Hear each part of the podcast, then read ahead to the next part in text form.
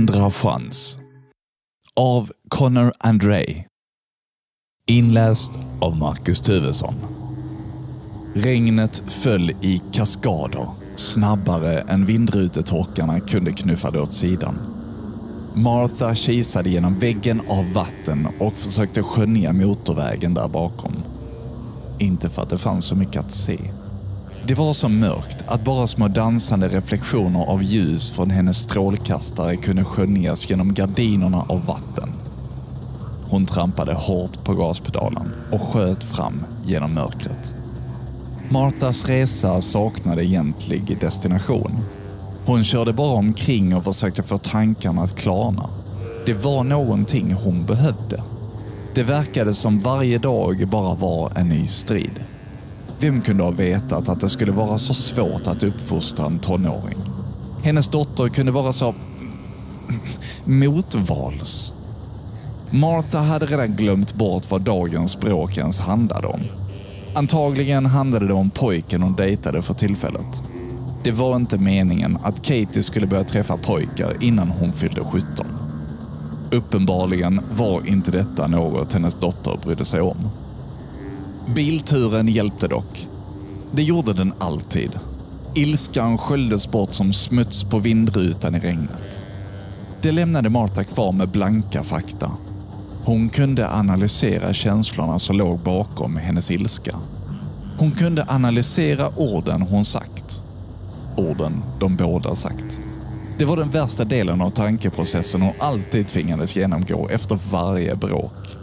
Nu var hon snart framme vid affären där hon skulle köpa två halvliters förpackningar med glass.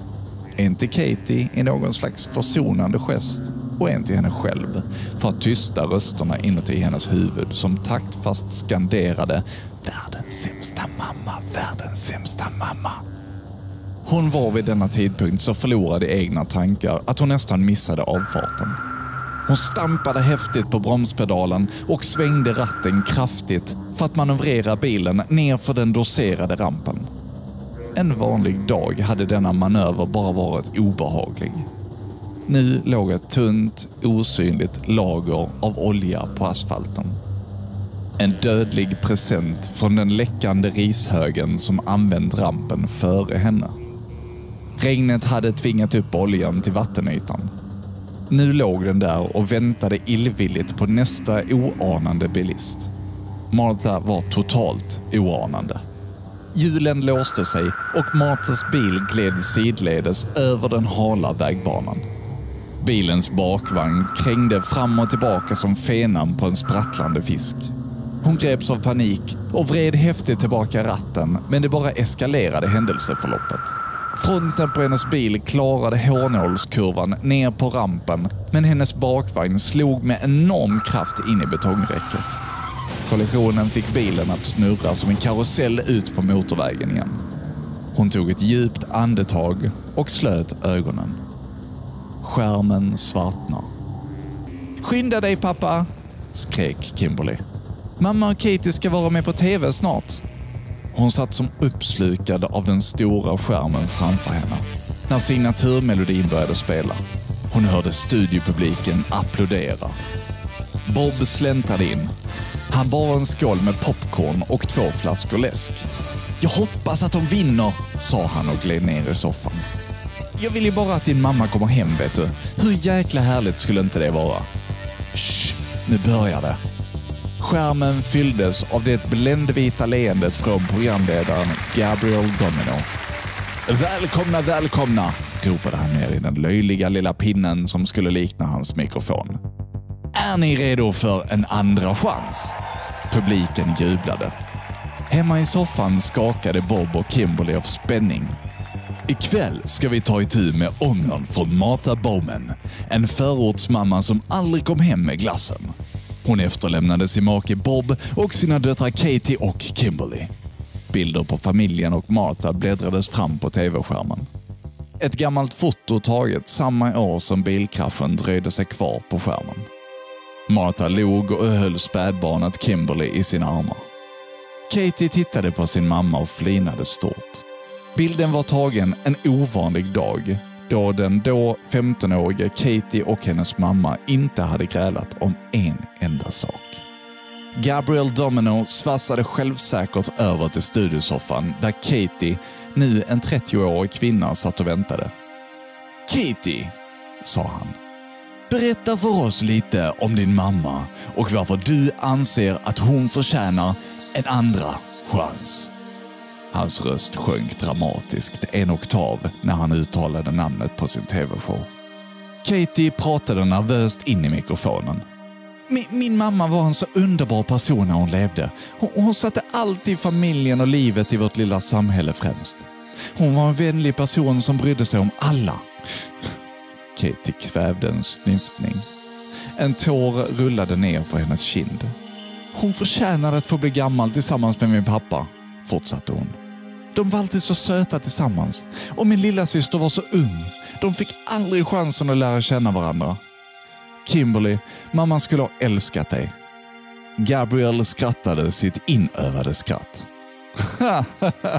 ja, det är någonting vi ska ta reda på. Eller hur mina vänner? Han pausade för att ge publiken chansen att applådera. Han vände sig åter mot Katie och fortsatte att ställa frågor. Men Katie, vad är det som får dig hit idag? Vad är det du vill berätta för våra kära tittare?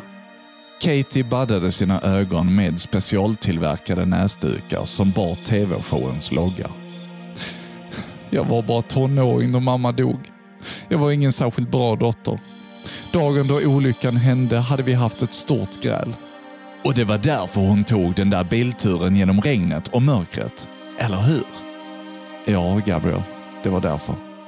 Så om domarna väljer stackars Martha så är det ju inte bara hon som får en andra chans, eller hur? Nej, det skulle vara en andra chans för mig också.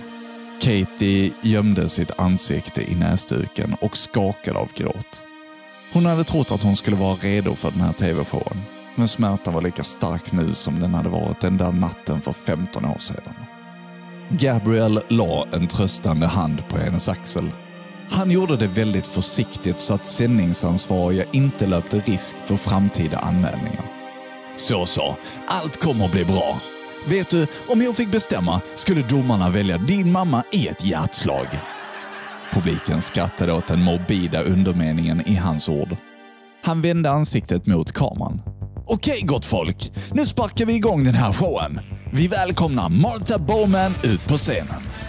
Sex storvuxna män kom in på scenen bärandes en svart kista. Under publikens jubel satte de ner kistan på en ställning som stod uppställd i starkt strålkastarsken i scenens mitt. Vi tackar våra generösa sponsorer Apple Monsanto Corporation. Tack vare deras häpnadsväckande nya teknologi kan vi nu föra våra kära avlidna tillbaka till livet!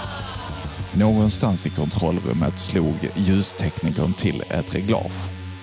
Rökmaskinerna hostade igång. Tjock rök omfamnade nu kistan.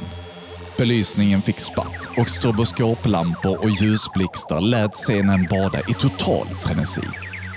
Det var ett spektakel som publiken älskade och det dolde sjuksköterskan som smög sig upp på scenen. Hon körde bryskt en nål i Martas döda hals för att sedan ge henne en ordentlig stöt med någonting som mest liknade en elektrisk kofösare. Dimman skingrades och ljusspelet lugnade ner sig. Martha satt nu spikrakt upp i sin kista. Hon såg sig vildsint omkring. Hon, hon försökte men misslyckades kapitalt med att förstå vad som försiggick. Gabriel svepte dramatiskt med armen mot kistan och väste fram showens catchphrase. Det lever! Publiken jublade. Martha, hur är läget? Vem är du? Är detta helvetet? Frågade hon. 15 år av död hade gjort hennes röst hes. Ha, nej, det här är inte helvetet. Det här är en andra chans! Showen där vi återför våra älskade till livet för att ta reda på om de förtjänar en ny chans ovanför jordytan. Herregud, sa hon. Är Katie här? Jag är så ledsen Katie. Kameran svängde tillbaka mot studiosoffan där Katie satt och gned sig i ögonen. Oförmögen att ta in synen av sin levande mor. Så Martha, började Gabriel. Vad skulle du vilja säga din dotter Katie? Jag har förstått att ni inte skildes som vänner. Martha vacklade fram över scenen för att försöka komma fram till sin dotter. Det var svårt att gå efter så många år som död. Katie älskling, jag, jag, jag är ledsen. Jag, jag behandlade dig förfärligt. Jag, jag trodde att jag visste vad som var bäst för dig, men det var såklart inte så. Bara du vet vad som är bäst för dig. Du är det bästa som någonsin hänt mig. Åh mamma, utbrast Katie genom tårarna. Jag menade aldrig att såra dig. Jag skulle aldrig kunna hata dig. Jag, jag är så ledsen mamma. Katie höll sin odöda mor i sina armar medan de båda snyftade okontrollerbart. Publiken brast ut i ett öronbedövande på gränsen till komiskt. Åh. Jag ska aldrig bete mig så igen Katie. Jag lovar. Jag är så ledsen och beredd att göra allt för att gottgöra dig. Du behöver inte göra någonting alls för att gottgöra mig. Bara ta dig tillbaka i allt jag någonsin velat. Gabriel bände försiktigt isär mor och dotter. Nu ska vi skynda långsamt, sa han. Kom ihåg att det är domarna som bestämmer om Katie ska få en andra chans. Eller om vi ska skicka henne direkt ner i graven igen. Publiken jublade när kameran åkte över till domarpanelen. Spotlights tändes och avslöjade vilka kändisar som nu hade uppgiften att avgöra om Katie skulle få återvända till jordelivet eller om hon skulle få fortsätta sin eviga vila under jorden. Nu räknar domarna sina röster.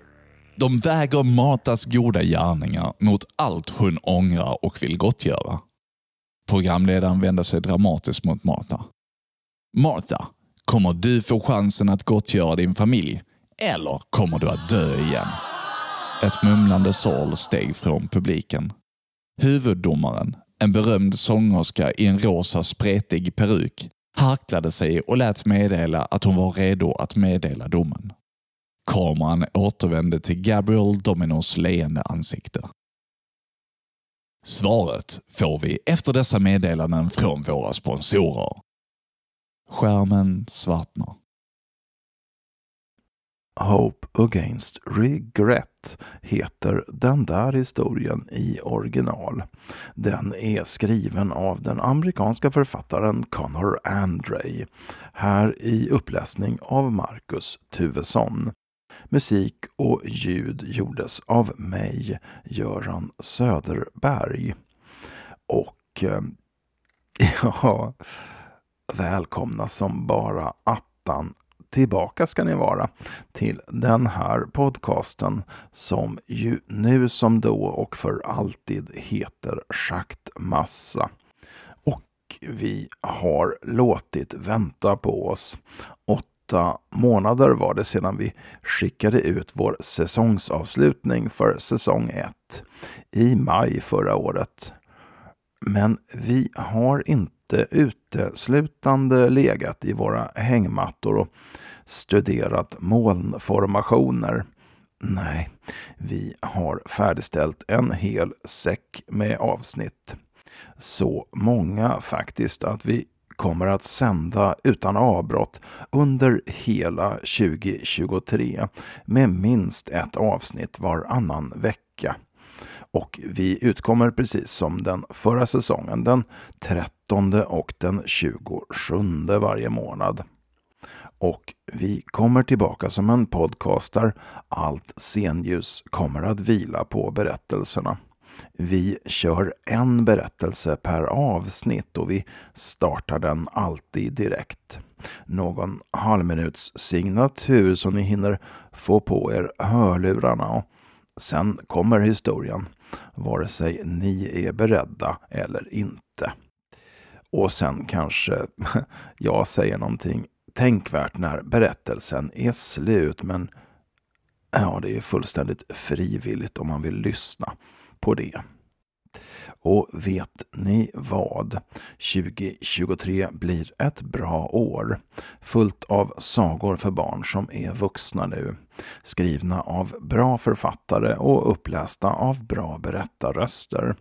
Marcus till exempel, som läste dagens berättelse, kommer att läsa upp fler historier under säsongen. och det står en hel rad med andra röstbegåvningar och stampar i kulisserna. Några bekanta röster och några nya. Så på med störtkrukorna så kör vi.